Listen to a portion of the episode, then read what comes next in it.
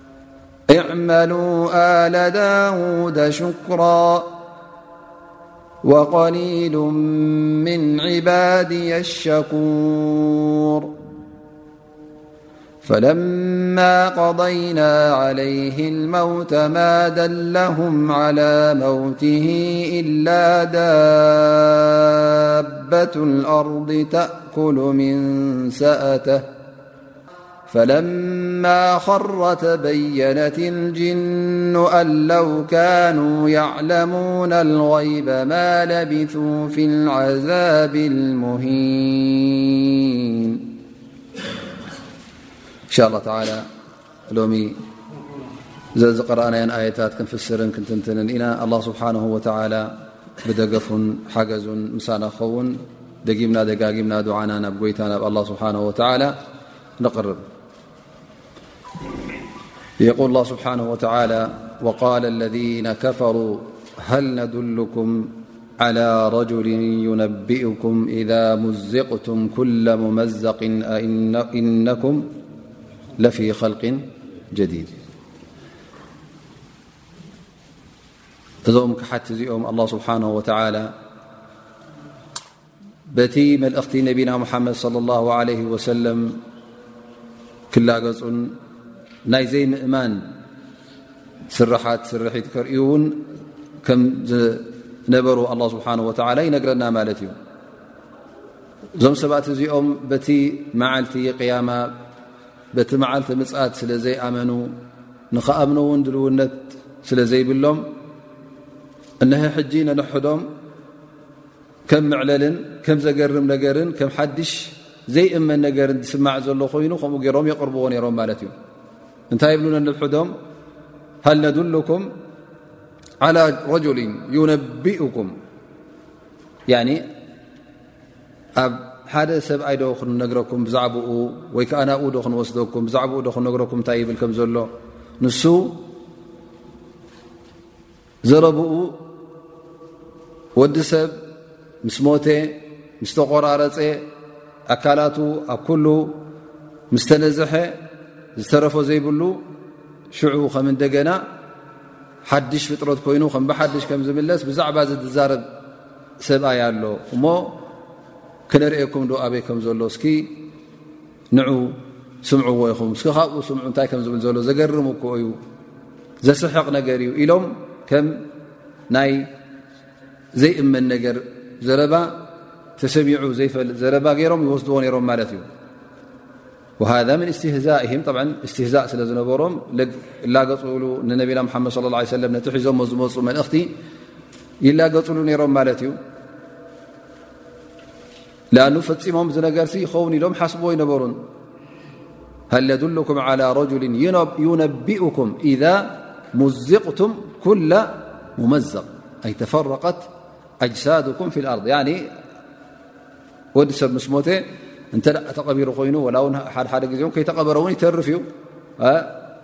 እንተ ከይተቐበረ ኮይኑ ኣሞራ በልዐኦ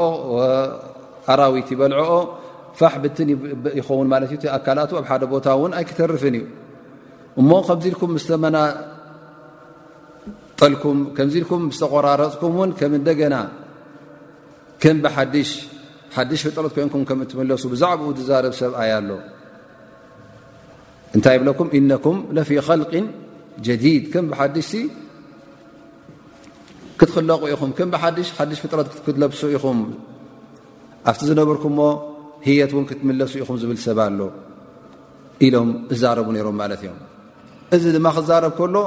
ወይ ትዘረባ ናቱ ዝብሎ ዘሎ ሓሶት ክኸውን ኣለዎ ዳኣ እምበር ሓቂ ኣይኮነን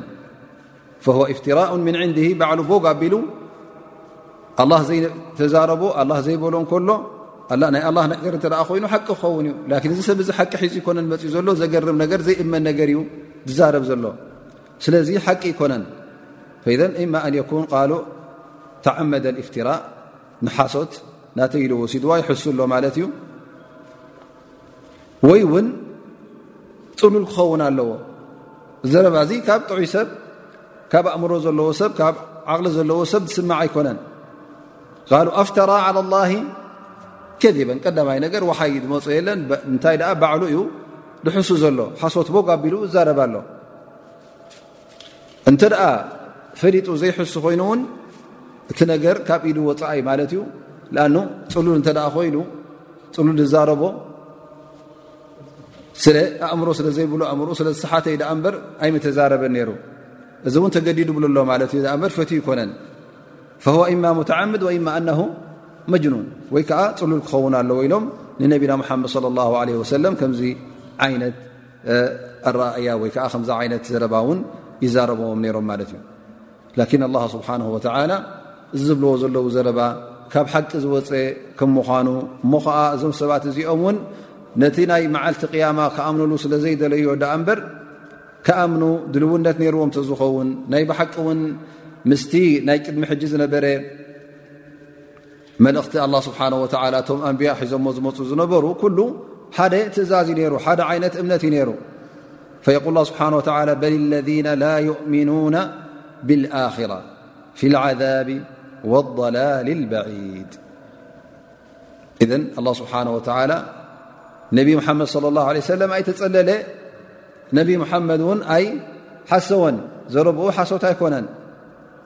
ግን እቲ ሓቂ እንተ ደሊኹም ንስኹም ኢኹም ክትኣምኑ ዘይደለኹም እሞ ኸዓ ኣብቲ ናይ ጥፍኣት መንገዲ ትቕፅሉ ኣለኹም ኣብቲ ንመገዲ ስቓይ ዝመርሕ እምነት እውን ንኡ ሒዝኩም ትጓዓዙ ኣለኹም በል ለذና ላ ዩእምኑና ብልኣክረቲ ፊ ልዓዛብ ማዕናሃ ኣነም ናብ ዓዛብ ዘብፅሕ ክሕደት ናብኡ እዮም ዘለዉ ፈም ፊ ልክፍር ሙፍض ብህም ኢላ ዓዛብ ላህ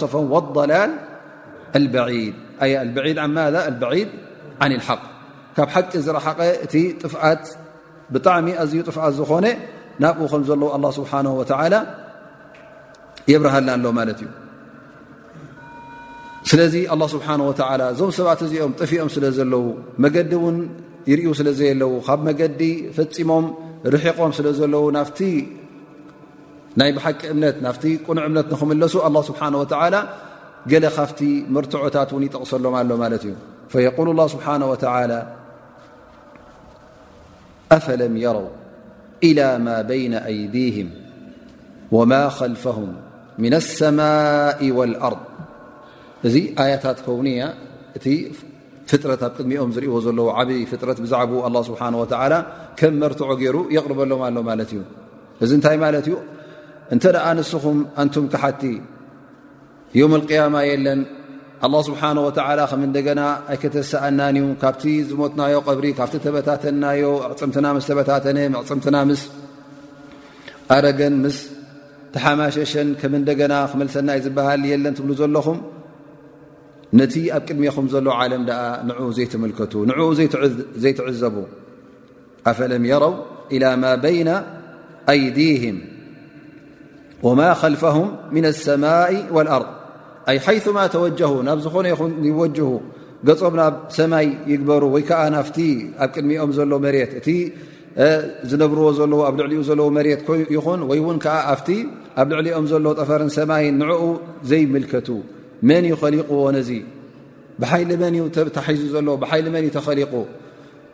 ንሱዶ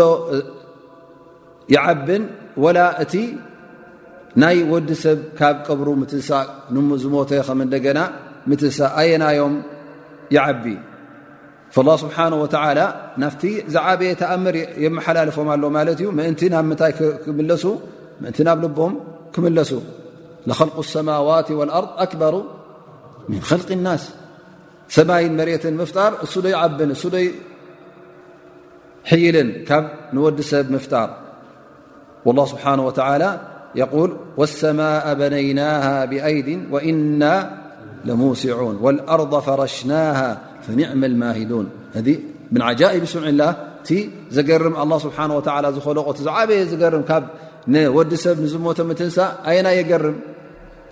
ሰማይን መሬትን ከመይ ገሩ ላ ስብሓን ወተላ ከም ዝኸለቆ እሱ ዶ ይዓብን ንዕኡ ዘይትምልከቱ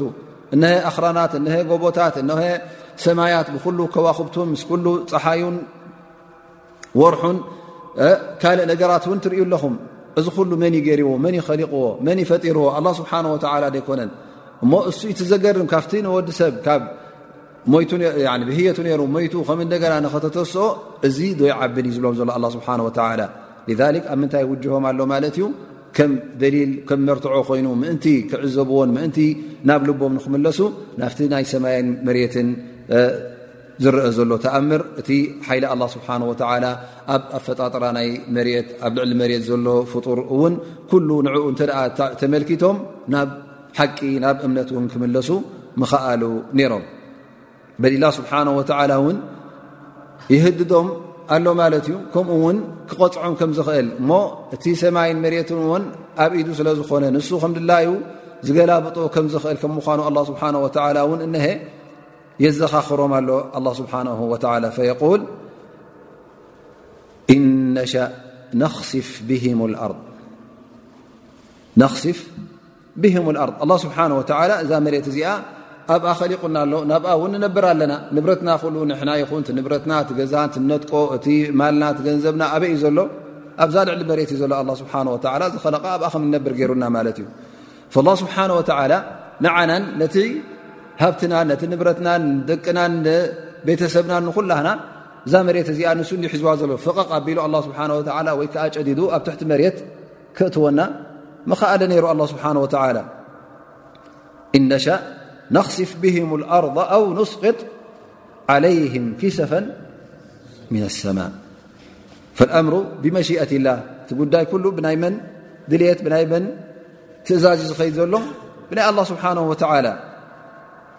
ስለዚ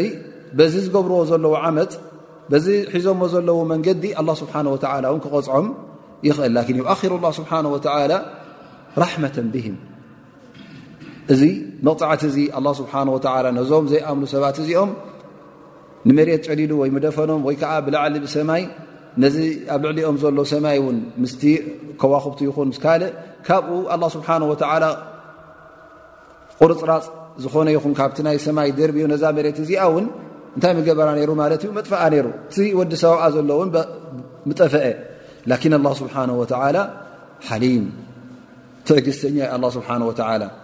ተሃዊኹ ንወዲ ሰብ እውን ኣላ ስብሓን ወተላ ኣይቀፅዖን እዩ እንታይ ደኣ ግዜ ይህቦ ዕድል ይህቦ ናብ ልቡ ንኽምለስ ናብ ረቡ ንኽምለስ ምሕረት ዝሓተተ ንክምሕር ኣላ ስብሓን ወተላ እውን ዕድል ይህብ ስለዚ እቲ ትብልዎ ዘለኹም ዘረባ እቲ ሕዝኩሞ ዘለኹም መንገዲ መገዲ ጥፍኣት እዩ ካብኡ ተጠንቀቑ እዚ ኣላ ስብሓን ወተላ ዘጠንቀቀኩም ዘሎ መቕፃዕቲ ምእንቲ ኣብ ዝባንኩም ንኸይወርድ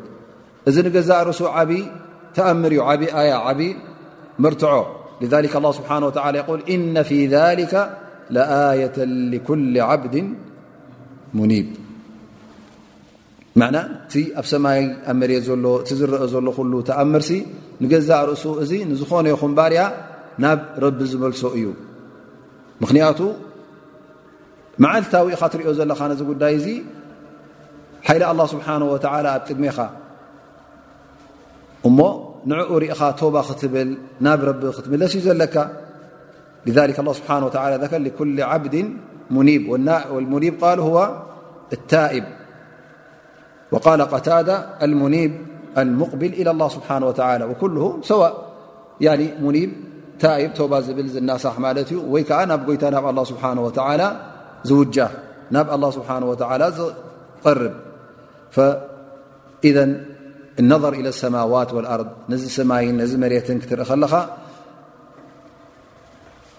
ንዝኾነ ይኹን ባርያ ኣላ ስብሓን ወተላ ዓቃል ዝኾነ ልቢ ዝሃቦ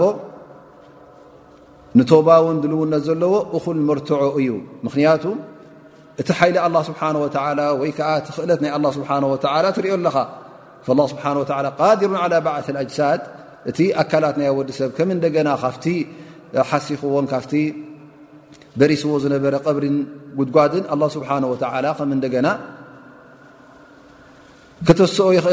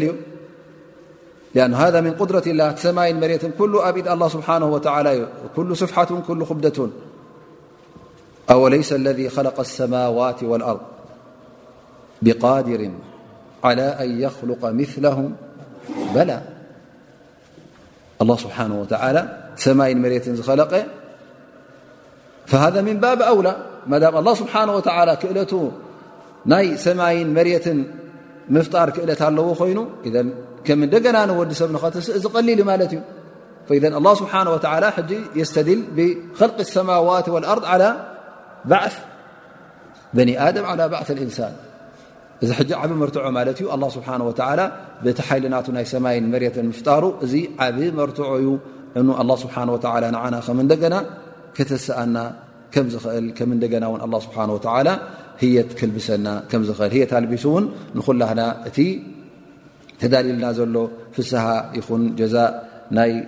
ሰናይ ዝገበርናዮ ር ይኹን ክፅበየና እዩ ወይ እውን ዝገበርናዮ ገበን ጌጋ እተ ኣሎ ኮይኑ ውን ኣላ ስብሓን ወተላ እቲ መቕፃዕቲ ኣዳልዩልና ክፀንሕ እዩ ስለዚ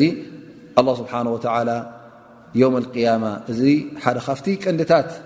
እምነት ከም ምኳኑ ፈፂሙ ውን ሓደ ሰብ እንተ ብኡ ዘይኣምን ኮይኑ ክሒዱ ማለት እዩ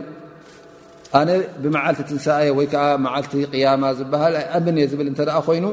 እዚ ሰብ እዚ እንታይ ማለት እዩ ክሒዱ ካፍር ይቁፀር ማለት እዩ ምክንያቱ እዚ ካብቲ ቀንዲታት ናይ እምነት እዩ ዝቁፀር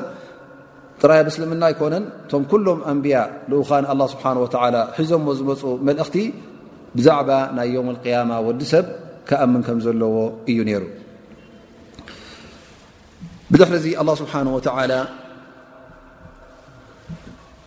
ኣብቲ ዛንታ ናይ ነብላ ዳውድ ዓለ ሰላም ከምኡ ውን ናይ ወዲ ሱለይማን ገለ ካብኡ ይጠቕሰልና ማለት እዩ እዞም ኣንብያ እዚኦም ኣላ ስብሓን ወተላ ዓብ ሽሻይ ሂብዎም ሽሻይ ናይ ንግስነት ሽሻይ ናይ ነብይነት ኩሉ ኣብ ማሊኡ ስለ ዝሃቦም እዞም ልኡኻን እዚኦም ዳውድን ስለይማንን ካብቶም ኣመስገንቲ ባሮቱ ከም ዝነበሩ ኣላ ስብሓን ወተላ ይገልፀልና ማለት እዩ እሞ እቲ ሂብዎም ዝነበረ ሽሻይን እቲ ሂብዎም ዝነበረ ፍስሃ ድማ ኣብ ኣዱንያ እቲ ራት ኩሉ ንዕኦም ዝያዳ ከም ዘመስግኑ ገይርዎም ካብ መገዲ ኣላ ስብሓን ወተላ ከም ዝወፁ ይገበሮምን እቲ ሒዞሞ ዝነበሩ ሓይልን እቲ ሒዞሞ ወይ ከዓ እቲ ዝረኸብዎ ሽሻያትን ርዝቂ ኣላ ስብሓን ወተዓላ ካብቲ ንካልእ ተዋሂቡ ዝነበረ ዋላ ካብቲ ንቁሬሽ ተዋሂቡ ዝነበረ ሽሻይን ሓይልን ካብኡ ዝዓበይ ነይሩ ላኪን እዞም ሰባት እዚኦም እቲ ተዋህቦም ካብ ጎይታ ከም ምዃኑ ስለ ዝተኣመኑ ንጎይታ ንኣላ ስብሓን ወተላ ኣመስጊኖም ፈየቁል ስብሓን ወተላ ወለቀድ ኣተይና ዳውድ ምና ፈضላ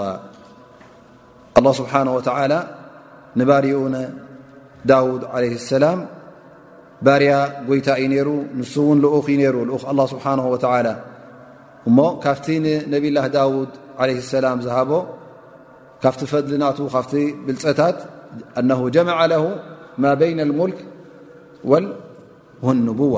ኣ ስብሓ ወላ ነብይነትን ንግስነትን ኩሉ ጠቢሩ ሂብዎ ማለት እዩ ስለዚ ኣብ ትሕቲኡ እዚ ዘይበሃል ሰራዊት እዚ ዘይበሃል ሓይልታት እዚ ዘይበሃል ንብረት እዚ ዘይበሃል ማል እዩ ነይሩ ላ ስብሓ ወላ ካብቲ ዝሃብዎ ፍልይ ኣቢሉ እውን የል ላ ስብሓ ወላ ያ ጅባሉ ኣውቢ ማዓሁ ወይራ ካብቲ ኣላ ስብሓን ወተላ ንነብላ ዳውድ ሂብዎ ዝነበረ ዚክር ክገብር እንከሎ ክቐርእ እንከሎ ኩሉ እቲ ዝሰምዖ ምስኡ እንታይ ገብር ነይሩ ማለት እዩ ዚክር ገብር ነይሩ ማለት እዩ وفي الصحيح أن رسول الله صلى له عليه سلم سمع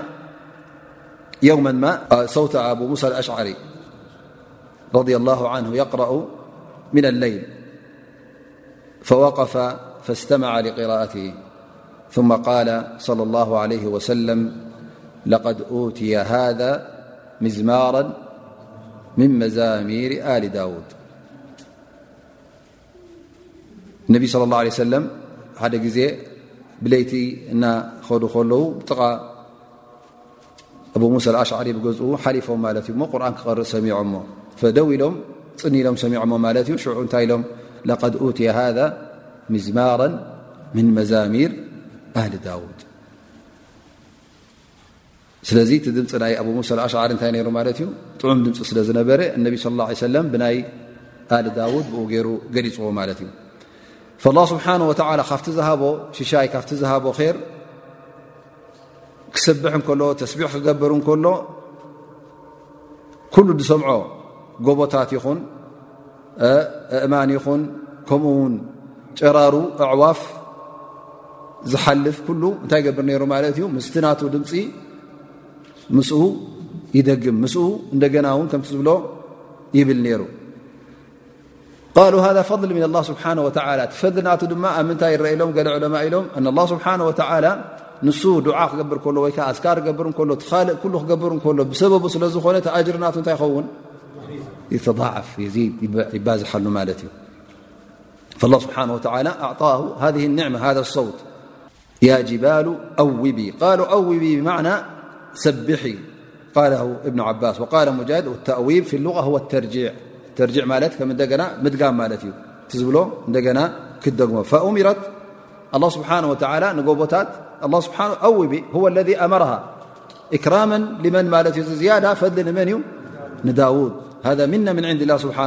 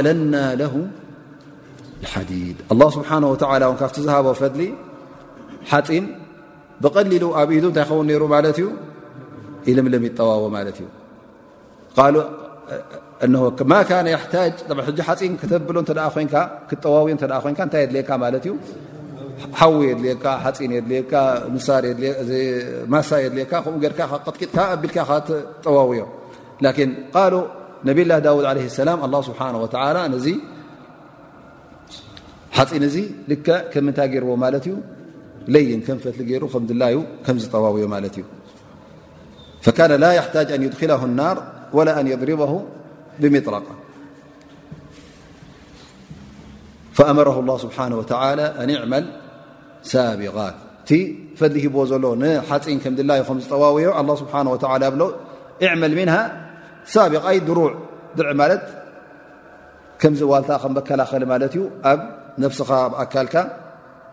ትገብሮ ወቀድር ፊ ሰርድ ኣላ ስብሓን ወተላ ንገዛ ርሱ ከመይ ገይሩ ነዚ ድርዒ ዚ ከመይ ገይሩ ከም ዝሰርሖ ኣላ ስብሓን ወተላ ኣርእዎ ማለት እዩ ቅድሚ ነብላ ዳውድ እገብሩ ነይሮም እዮም ላኪን ካን ቃሉ ዕባራ ዓን እቲ ሓፂን ከም ሓደ ሉሕ ዩ ነይሩ ማለት እዩ ጠብ ምስ ተኸደንካ ሕጂ ክምድላይካ ኣይትንቀሳቐስን ኢኻ ላኣኑ እንታይ ማለት እዙ ሓፂን ስለ ዝኾነ ከም ተደሪዕካ ብ ከለኻ ሓፂን እዩ ከም ሉሕ ኮይኑ ላስ ንየማ ተበልካ ላስ ከምዛ ታንኪኻ ክትከውን ማለት እዩ መከላኸሊ ከላኸለልካ ላን ክምድላይካ ኣይትንቀሳቐስን ኢኻ ክላይካ ክትጎይ ወይ ከዓ ክላይካ ኢትካ ከተልዕል ኢትካ ከተውርድ ክድይብ ከተብል እዚ ኣሸጋሪ ነይሩ ማለት እዩ ፈኣወል መጀመርያ ነዚ ዕርዲ እዚ ብከም ቀለቤት ዝመስል ገይሩ ዝሰረሖ መን እዩ ዳውድ ለ ሰላም ብማዕና እንታይ ገይሩ ማለት እዩ ንናእሽቱ ቀለቤት ገይርዎ ንተሓፂን ዳሕራይ ተን ሓፃዊን እንታይ ኮና ማለት እዩ ብሓንሳ ይሽበካ ማለት እዩ ቃል ወቀድር ፊ ሰርድ ብማዕና ሃ እርሻድ ን ላ ስብሓን ወተላ ልክዕ ገይሩ ነተን ከበብቲ ከምዘእትወን ማለት ክትገጥም እንከላ ኣዕርያ ከምዘይ ትገጥም ትገጢማ ማለት ክትቀሳቀስ ላ ክትንቀሳቀስ ኣለዋ ማለት እዩ ክንትቀሳቀስ ከላ እውን ፋሕ ብትን ከምዘይ ትብል ላ ስብሓ ወላ ቃል ቀድር ልክዕ ጌርካ ስርሓዮ ኢኻ ወይ ረጒዱ ተካልይቲ ክትብተን የብላን ወይ ከዓ ገፊሓ ትወፅእ የብላን ፈዘ እንታይ ክኸን ማት ሽዑ ሕጂ ከመይ ገር ተሰሪሑ ማለት እዩ በብንኣሽ ከቀለበት ቀለበት ቀለበት እተ ሓፃውንቲ ሕጂ ኩለን ምስ ኣተዋ ምስ ኩለን ምስተለጋገባ እንታይ ክኸውን ማለት ልክዕ ከም ሰንሰለት ኮይኑ ወይ ከዓ ሰፊሕ ሰንሰለት ክኸውን እ በትን በትን ብኩሉ ስ መፀ እንታይ ክትከውን ልክዕ ከምዚ ድርዒ ኮይኑ ወይ ከዓ ከምዚ ሕጂ ክዳን ተኣለመ ማለት እዩ ኣብ ክንዲ ብፈትሊ ዝእለም ዝነበረ ሕጂ ብሓፂን ተለኣሊሙ ከም ክዳን ገር ሕጂ ክትለብሶ ከለካ ቀዳማይ ነገር እንታይ ይኸውን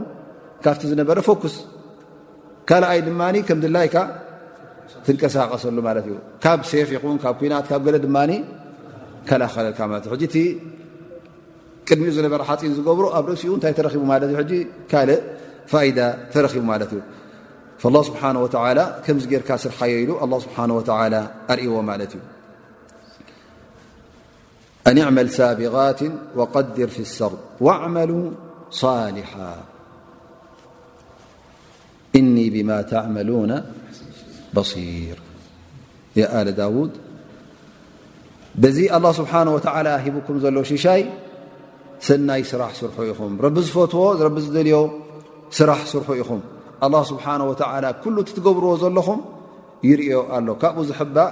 ነገር የለን ላ ስብሓን ወላ ሙራቅብ ወሙጠሊዕ ዓላ ኣማሊኩም ኩሉ ትገብሮ ዘለኹም ይከታተሎ ዩ ኣላ ስብሓን ወላ ኩሉ ተግባራትኩም ኩሉ ቃላትኩም ካብ ጎይታ ዝሕባእ ኣይኮነን ስለዚ ተጠንቀቑ ኢኹም እቲ ኣላ ስብሓን ወላ ዝኣዘዘኩም ስራሕ ንዕኡ ጥራይ ስርሑ ኢሉ ኣላ ስብሓን ወላ ሓበሬታ ይህቦም እዚ ንነብላህ ዳውድ ለ ሰላም ተዋህበ ሽሻይ ተዋህበ ፈል ክኸውን ከሎ ነብላ ሱለይማን ውን ወዶም ንመን እዩ ንዳውድ ላ ስብሓን ወተላ ንወድን ነቦን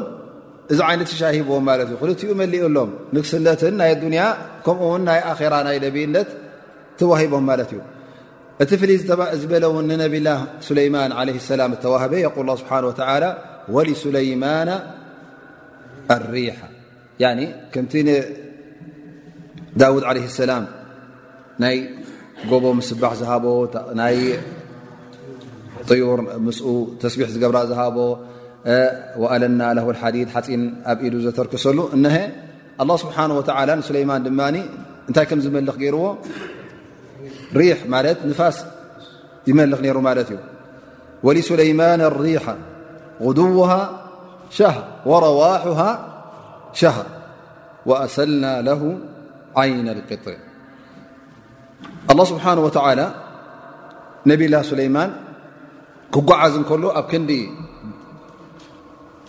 ኣብቲ ግዜ እቲ ዝነበረ መጓዓዝያ ናይ ገመል ኮይኑ ናይ ፈረስ ኮይኑ ናይ ካልእ ዓይነት ብስረር ነገር ኣብ ክንዲ ዝኸውን ብምንታይ ይንቀሳቐስ ነይሩ ማለት እዩ ብንፋስ ንፋስ ሰሪሩ ብንፋስ ይንቀሳቀስ ነይሩ ማለት እዩ ፈካን ካብቲ ናይ ወርሒ ጉዕዞ ብምንታይ ይጓዓዞ ነይሩ ማለት እዩ ፍርቂ መዓልቲ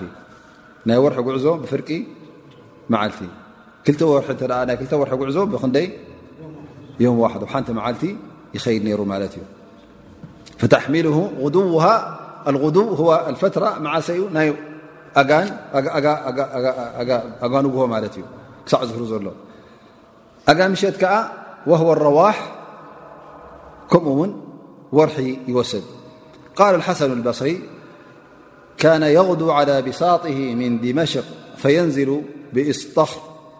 يتغدى بها ويذهب رائحا من إصطخر فيبيت بكابل يعني كلت ورحي أبحنت ملتني رمالت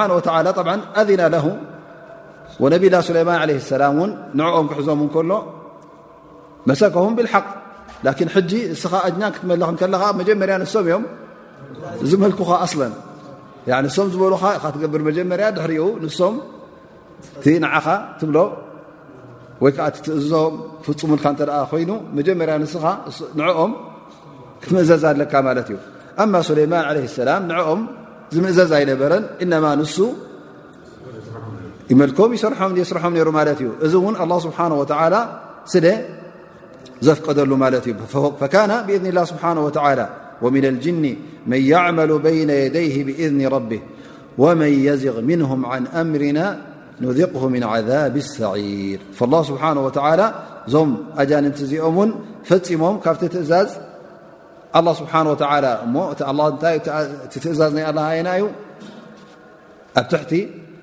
ስለማን ኮይኖም ክሰርሑ ላ ስብሓ ወ በቲ ዝኣዘዞም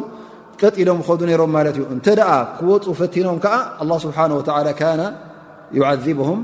ዓዛብ ሰዒር እዞም ብኣቃፃሊ እሳት እውን የቃፅሎም ነይሩ ማለት እዩ ላ ስብሓ ወ ካብቲ ሽሻያቱ ነቢላ ስለይማን ዝሃበ እንታይ ኮይኑ ማለት እዩ እዞም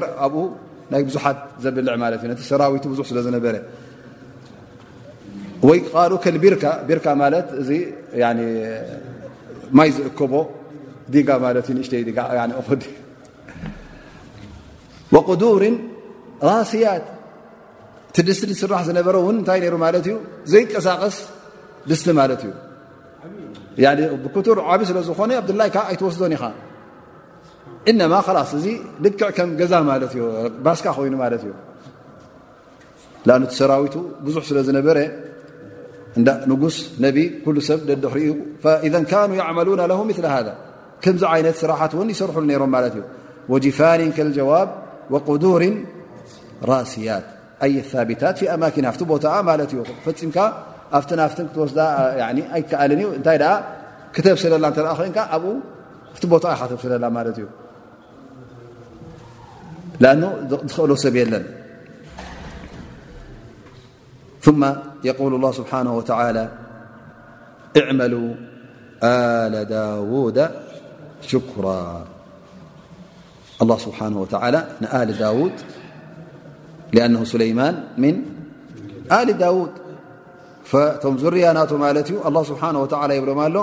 እዕመሉ ሽኩረ ላ እዚ ነገር እዚ ካብ ረኸብኩም ስራሕኩም ኩሉ እንታይ ክኸውን ኣለዎ ምስጋና ናይ ኣላ ስብሓ ወላ ዘርኢ ክኸውን ኣለዎ ማለት እዩ እዕመሉ ሽኩረ ላ ማ ኣንዓማ ዓለይኩም ፊ ዲኒ ወዱንያ ቲ ኺረኺቦሞ ዘለዉ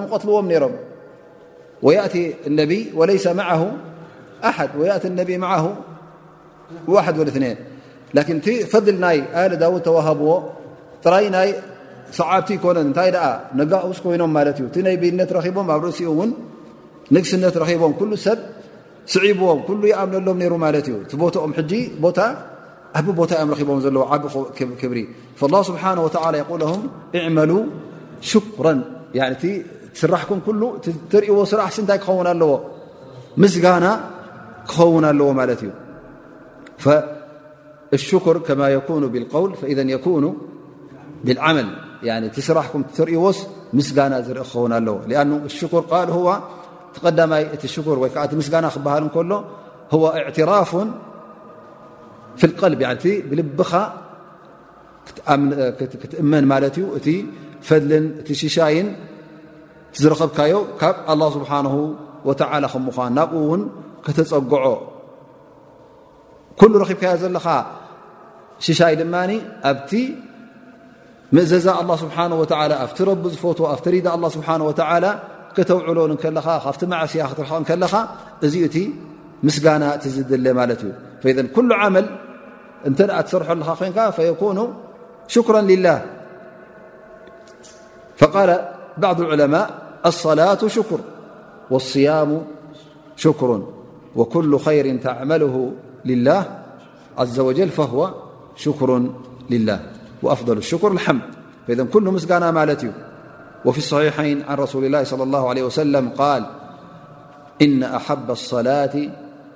إلى الله تعالى صلاة من صلاة داود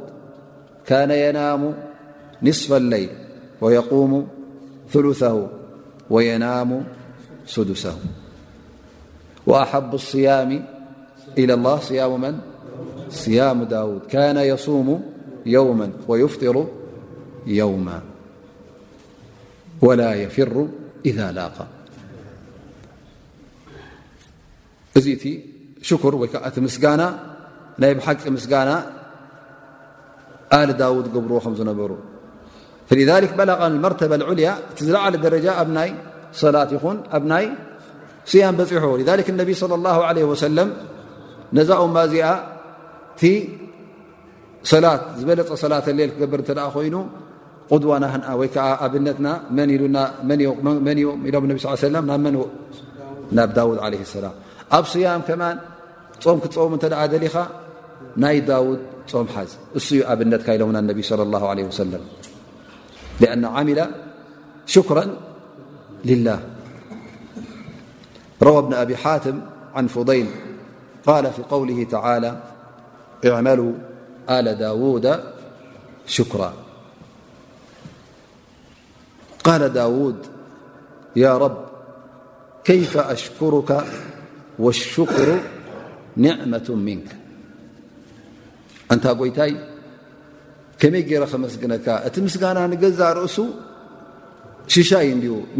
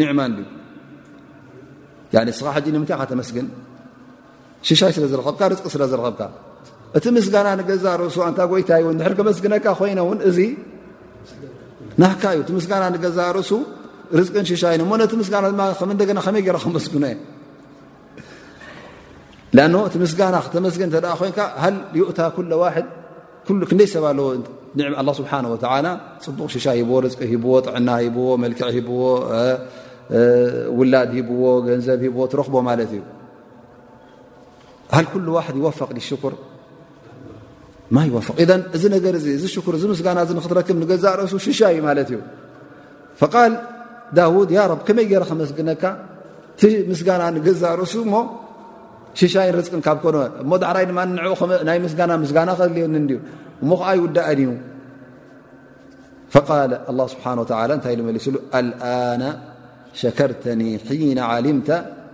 ኣነ ኒዕመተ ምኒ ማድም ተታዕለም እዚ ርዝቂ እዚ ካባይ ትሽሻይ ካባይ ከም ምኳኑ ካብ ፈለጥካ ወላ እቲ ምስጋና እውን ካባይ ከም ምኳኑ ካብ ፈለጥካ እዚ እውን እኹል ምስጋና እዩ ሕጂ ኻ ኣመስጊንካኒ እቲ ምስጋና ናተይ ናይ ብሓቂ ሕጂ ፈሊጥካዩ ማለት እዩ ፈዘንቲ ሰብ እታ ሽሻይ እንታይ ትመስሎ ማለት እዩ ላዝም ኣላ ስብሓን ወተዓላ እኹል ሃብቲ ክቦ ወይ ከዓ እኹል ጥዕና ክረክብ እንከሎ እዚ ጥራይ ኣይኮነ ጥዕቲ ሽሻይ በል ብዝያዳ ንዕኡ ከተመስግን እንከለኻ እቲ ምስጋናኻ ድማ ብቃልን ብተግባርን ክኸውን እንከሎ እዙ እቲ ዝዓበየ ሽሻይ እውን ላ ስብሓ ወላ ቃል ወለእን ሸከርቱም ኣዚደነኩም እቲ ምስጋና እተ ተረኪቡ እንደገና እውን እታ ክርከብ ማለት እዩ ኣላ ስብሓን ወተዓላ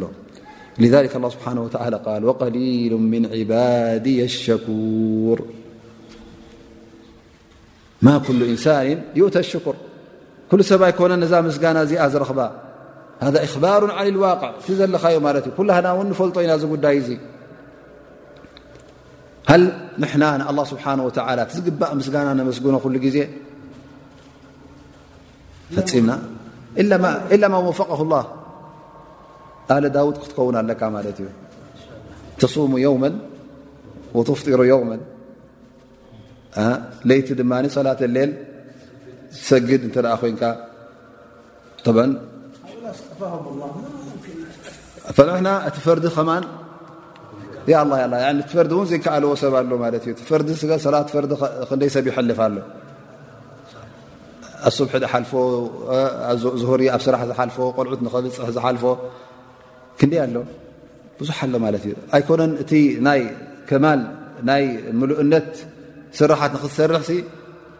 እቲ ቀንድታት ኣላ ስብሓን ወተላ ዝኣዘዘና ኣብኡ ብዙሕ ጉድለት ንርኢ ኣለና ማለት እዩ ስለዚ እንተ ከነመስግን ኮይና እቲ መጀመርያ ከነማልኦ ዘለና ኣብቲ ፈርድና ኣብቲ ዋጅብ ዝኾነ ኣብቲ ግዴታ ዝኾነ ኣብኡ ቀጥ ንብል ካብኡ ንኡ እተ ኣ ስብሓ ኣትሒዙና ሽዑቲ ምስጋና ኣብቲ ናፊላ ኣ ሱና ኣ መወሰኽታ ኣብ ክንኣቱ ኢና ን ነቲ ስብሓ ብቀዳመነት ነቲ ቀንዲ ኣትሒዙካ ክተመስግኖ ኢኻ ሓምላ ልካ ድማ ናበይ ትሓልፍ ማለት እዩ ናብቲ ሱና ዝኾነ ና ናፊላ ትሓልፍ ማለት እዩ ን ስብሓ ን ቀሊሉ ምን ባድ ሸኩር ክብለና ከሎ ንዓና ሕጂ ተንቢህ ማለት እዩ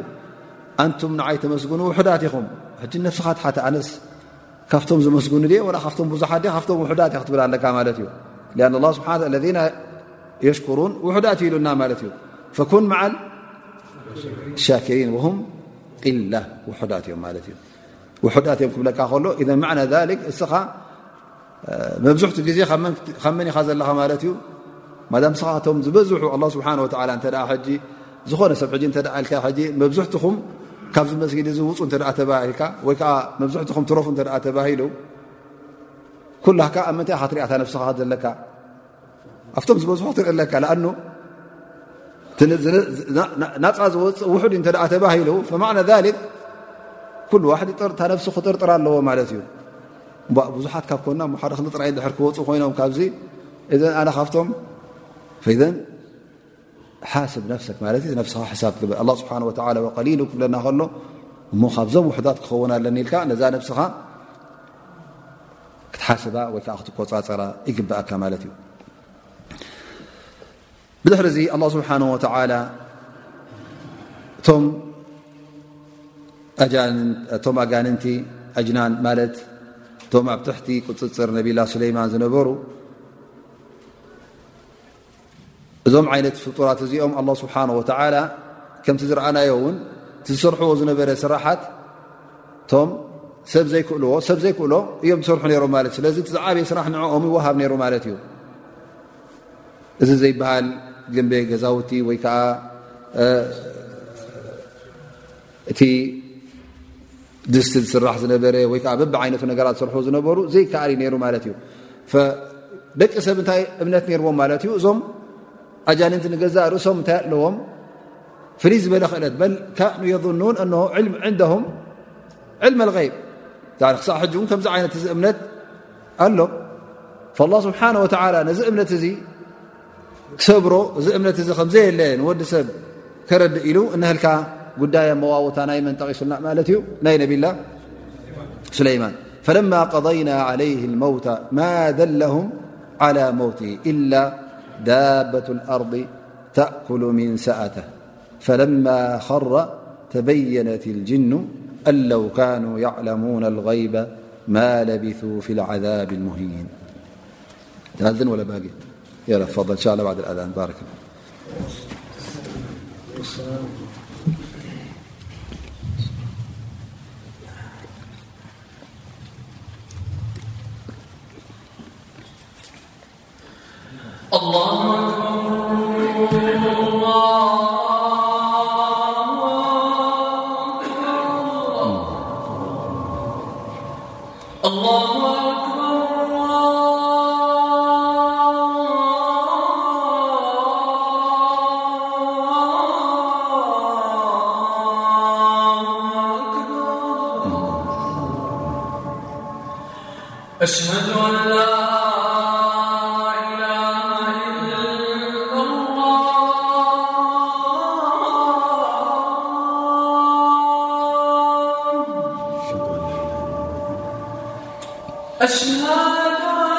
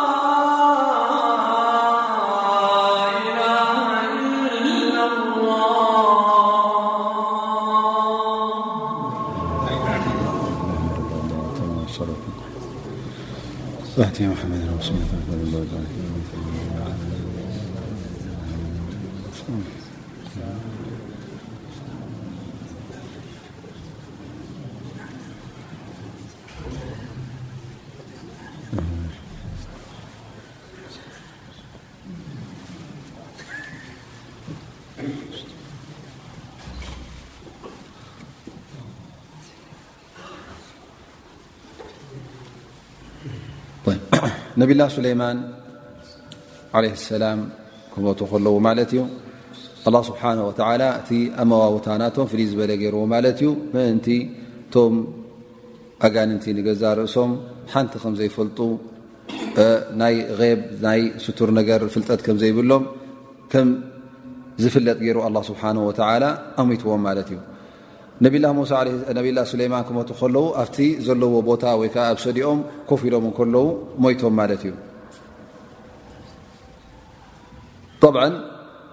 ዝርኦም ሕጂ እንታይ ዝመስል ማለት እዩ ኮፍ ዝበሉ ካብታ ቦትኦም ስለ ዝነበሩ ኮፍ ኢሎም ዘለዉ ጥራይ ኮይኑ እዩ ዝመስሎም ነሩ ማለት እዩ ስለዚ እቶም ሰራሕተኛ ይኹኑ እቶም ኣብ ትሕቲ ንግስነቶም ዝነበሩ ሓለፍቲ ኩሎም እንታይ እዮም ዝገብሩ ነሮም ማለት እዩ እቲ ተዋህብዎ ስራሕ ሱቕ ኢሎም ይቕፅሉ ነይሮም ማለት እዩ እቶም ኣጋንንቲ ንገዛእ ርእሶም ከምቲ መዓልታዊ ስራሕ ዝወሃቦም ዝነበረ ስራሖም ሰርሑ ነይሮም ማለት እዩ መዕኑ ነብላ ሱለይማን ዳርጋ ኢሎም ኣብቲ ርዋያ ዝመፀ ዳርጋ ነዊሕ ግዜ ዳርጋ ዓመት ኮይኑ ካብ ዝመውት ከመይ ገይሮም ፈሊጦም ከም ዝሞተ ቃል ላ ስብሓን ወተላ ማ ደለሁም ዓላ መውት ኢላ ዳበት ኣርض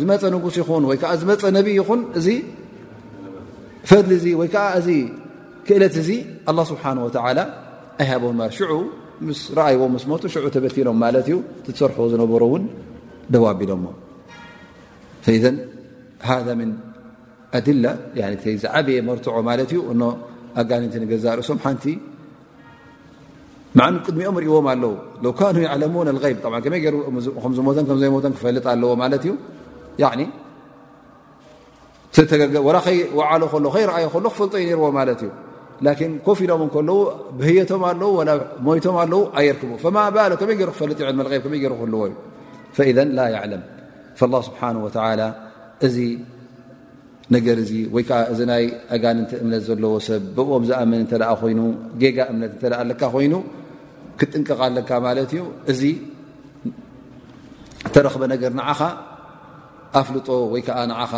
ኣስተምህሮ ክኸውን ኣለዎ መለበሚ ክኾነካ ኣለዎ ስለዚ ብጀካ ኣላ ስብሓን ወተላ ካልእ ብ ስቱር ነገር ሕቡእ ነገር ዝፈልጥ የለን ኢላ መን ኣጥላዓ ላ ስብሓ ወላ እንተ ኣላ ስብሓ ወላ ውን ነቢ ይኹን ንካልእ ንመላእካ ይኹን እተ